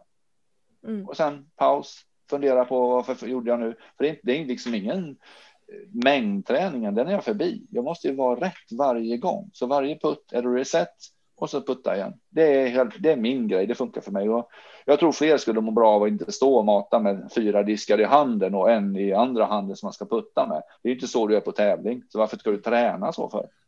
Mm. Det är det klassiska, det man gör på tävling, det gör man på träning. Eller träning på tävling. Ja, ja, Ja, det är Nej, men att man lägger ner högen på marken liksom.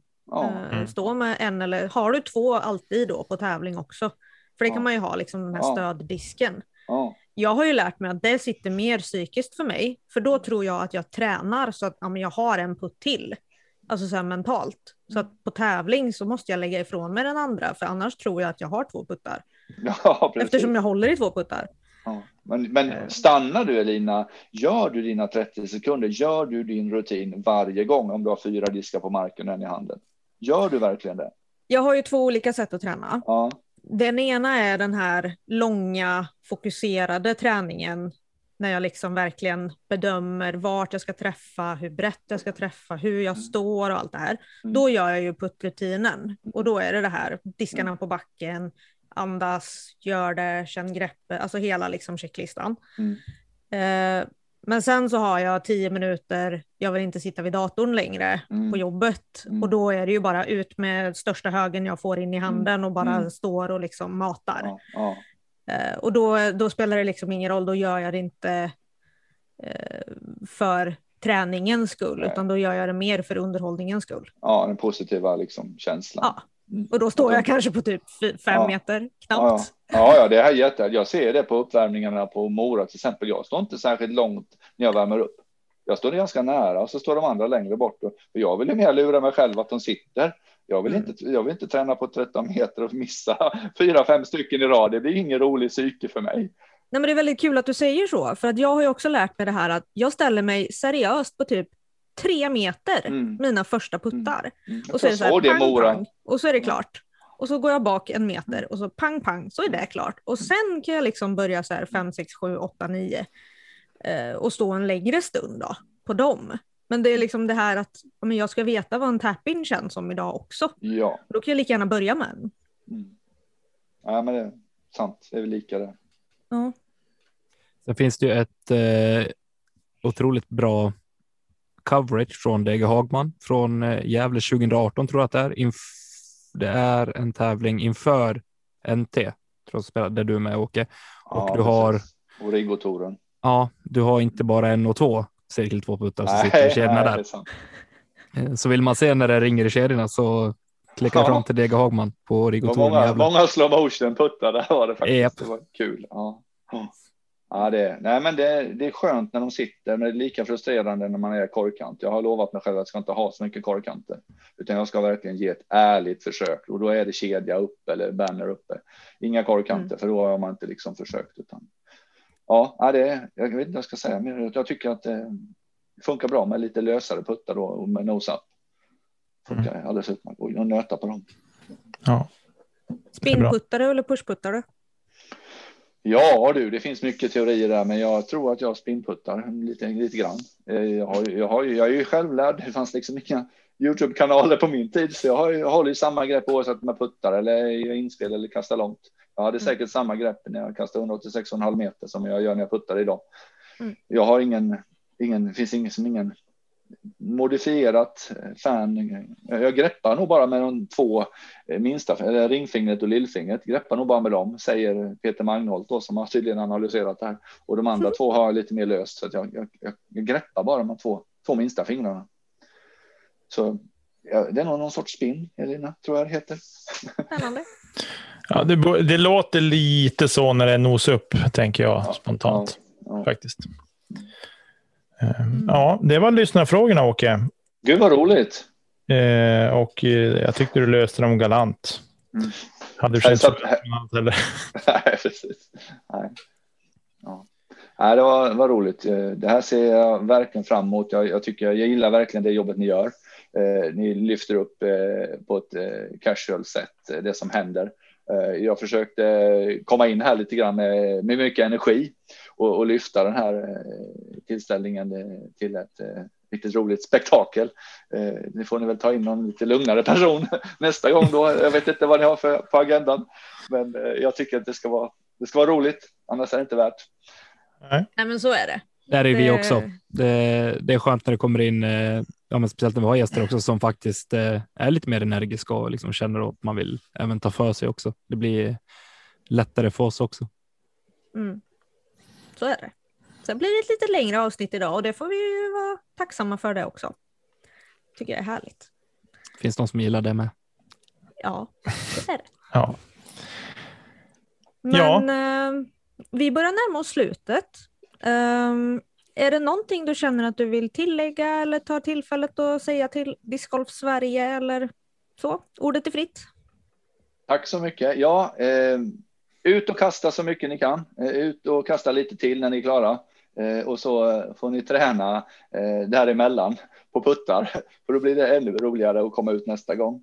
Sen eh, vill jag att ni, eh, ni stöttar era lokala och närliggande kommuner och banor så att eh, det här växer explosionsartat ännu mer. Vi kan inte få nog av det här. Vi måste våga spoila. Vi måste våga sätta ut och vara järva i det vi håller på med. Vi måste hela tiden pusha det här framåt och det måste finnas utrymme både för spets och bredd. Eh, och, och, och, med det sagt så måste vi liksom skapa de förutsättningarna för bredd och eh, spetsen vad det gäller med banor eller vad det nu än är. Ta med alla du känner, ge dem diskar. Ni gör det, men ni som lyssnar, låt inte diskarna ligga hemma. Ta med dem, ge dem till skola, ge dem till gymnasieskola, ge dem till var som helst. Eh, mm. Säg att det här är banan, kör bara kör. För vi behöver det. Vi behöver komma tillbaka på den nivå som vi var på 90-talet. Nu är ju alla de här tjejerna och killarna, framförallt killarna då, masters. Men vi behöver ha lika många duktiga open-spelare och, och där faller vi fortfarande eh, efter eh, finländarna så att säga. Då. Vi, måste, vi måste få fram ännu mer och det gör vi bara genom att fylla på på bredden. Mm. Och jag gör mitt här i den här regionen. Jag startar mellansvenska discgolftouren av den anledningen. Inte för, bredd, för eliten, men bara för bredden.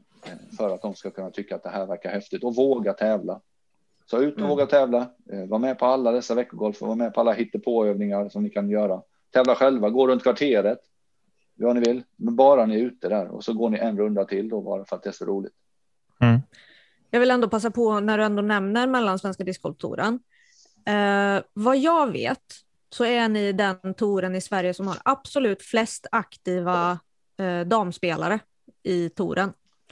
Per, liksom, om man ser till varje deltävling. Ja. Och det tror jag är mycket på grund av det jobbet ni gör i regionen. Och jag vill ändå höja eh, Hofors discgolfklubb ja. ja. eh, för det arbetet de gör. Och där vet jag att du är väldigt aktiv också. Ja, en fantastisk klubb. Ja, för att det är så mycket tjejer och det känns verkligen som att ni har tagit hand om det. Och det gör mig väldigt glad att, att liksom se. Uh, och sen har jag ju ganska bra kontakt med många av dem också. Mm. Så att det är kul liksom när det är 12-15 damer anmälda mm. uh, till en tävling då, som inte är specifikt för tjejer. Nej. Nej, sen ska precis. tilläggas också att på söndag nu så är det ju tjejkastet uh, mm. i Hofors. Nu är det 34 anmälda mm. och vad jag vet så är mm. det eh, flest anmälda på en tjejtävling hittills också. Jag har varit med på 30 och 32 förut. Mm. Så det, det ökar. Mm. Och det är flera klasser eller hur Elina? Jag tror inte ja. ens det bara, vi har ju, det är ju angenäma problem att vi måste dela upp dem i klasser. Ja, vilket, är, vilket är helt rätt. Men första steget är att få tjejerna att spela ihop och sen delar vi på dem eh, i olika divisioner. Ja, och de gör alltså... ett jättebra jobb där i Hofors och det är inte bara Hofors utan de har en förmåga tillsammans med andra föreningar faktiskt knyta band som inte är liksom klubbrivalitet på något sätt utan mm. verkligen bara vi åker upp till Sundsvall, vi ses i Vika, nej nu drar vi till ja, Hofors. Mm. Och på något sätt så är det den här sköna inställningen som kommer från de här tjejerna som prestigelöst har börjat med en ny sport som är, några är väldigt konkurrensinriktade och några är där för att ha skoj och allt däremellan. Mm. Och det är fantastiskt och det är precis så det ska vara. Att man, det är sömlöst liksom. Allting bara är som en stor förening oavsett vart du spelar. Um, men eh, det, vi, vi, spelar ju en, om man ska kalla det nybörjarklass uh, och en då för de som har spelat mer och är mer erfarna. Mm. Uh, och den fördelningen tycker jag är väldigt viktig så att det inte blir liksom att en nybörjare ska behöva ställa sig mot de som har spelat aktivt i två år. Liksom. Eh, och är på en högre nivå. För att det blir ju roligare som nybörjare att komma in och spela mot andra på samma nivå. Äntligen säger jag att vi verkligen får dela upp damklassen. Alltså innan så har vi bara pratat om har vi en damklass eller inte. Nej, vi har två damklasser nu. Mm. Det är skithäftigt. Otroligt bra jobbat här och det är, det är inte bara Hofors. Det är, det är flera föreningar, flera drivna tjejer och föreningar Ja. Och jag tror att det är det steget man behöver ta också, även ifall det kanske inte är så många just nu. Men att erbjuda två damklasser för, mm. ak alltså för aktiva och för nybörjare, mm. det tror jag är viktigt, även om du kanske inte har så mycket tjejer än. Nej, för att som... det lockar tjejer, för att ja, men jag är nybörjare, jag kan vara med, precis som herrarna har. Uh, och samtidigt då att ja, men jag är erfaren spelare, jag vill spela mot dem med erfarenhet också om att man har den möjligheten som tjej. som TD och ansvarig för Mellansvenska ska jag ta det till mig då. För att jag visste inte ens om vi kunde få en damklass i år. Men mm. Eh, det är ju helt klart eh, överbevisat att det finns utrymme för kanske både en och två och klasser. Mm. Så, så, så det, det, tar vi tacksamt emot eh, den inputen. Fantastiskt mm. bra. Har ni till 2022? Mm. mm. Så är det. Men supertack Åke för att du var med. Uh, har ni något ni vill tillägga grabbar? Nej, bara lyfta på hatten och tacka för din medverkan Åke och eh, stort mm. lycka till på eh, SM och på Worlds. Precis, och vill ni stötta mig, får jag säga då, så får ni gärna gå in på en webbutik eh, Eh, som säljer mina fundraisers. Jag har valt att göra det här eh, mera europeiskt och eh, göra det genom en butik som säljer och redovisar moms. Så går man in på Diskexpress och så letar man efter mina två fundraisers där och om man verkligen vill stötta mig så att säga, då skulle jag bli extremt glad att ni ger mig de bästa förutsättningarna inför VM. Då går man in på diskexpress.se och så söker man Åke Wallbäcks. Ja, Åke, Åke Wallbäcks, det finns på första sidan. Bannern där så blixtrar det till två supersnygga diskar. Det är en eh, Pure och en Ballista Pro i Goldline. Populära mm. molds också, så det är bra. Mm. In och stötta Åke nu. Och så som sagt, vi önskar dig massor med lycka till, både nu kommande helg i eh, Linköping och Motala och sen då även uh, Worlds i USA. Sjukt Tusen tack bästa ni. Vi ses framöver. Ja. Vi vill också passa på att eh, tacka alla som har lyssnat och vi hoppas att ni har uppskattat detta avsnitt med Åke. Tack till Eh, Marcus Linder och Emil Lennarsson för vignetter, grafik och jinglar. Eh, tack till alla våra Patreons, ni är fantastiska. Och Åke, vad gör vi inte nu då?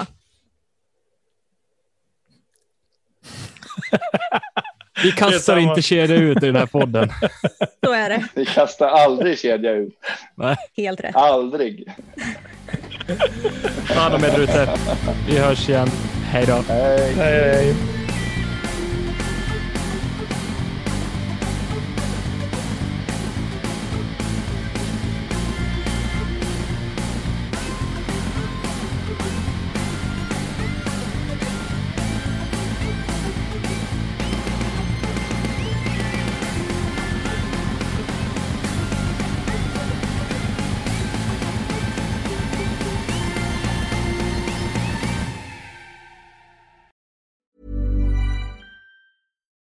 Deserves the best, and there's no better place to shop for Mother's Day than Whole Foods Market. They're your destination for unbeatable savings, from premium gifts to show-stopping flowers and irresistible desserts. Start by saving 33% with Prime on all body care and candles. Then get a 15-stem bunch of tulips for just $9.99 each with Prime. Round out Mom's menu with festive rosé, irresistible berry chantilly cake, and more special treats. Come celebrate Mother's Day at Whole Foods Market.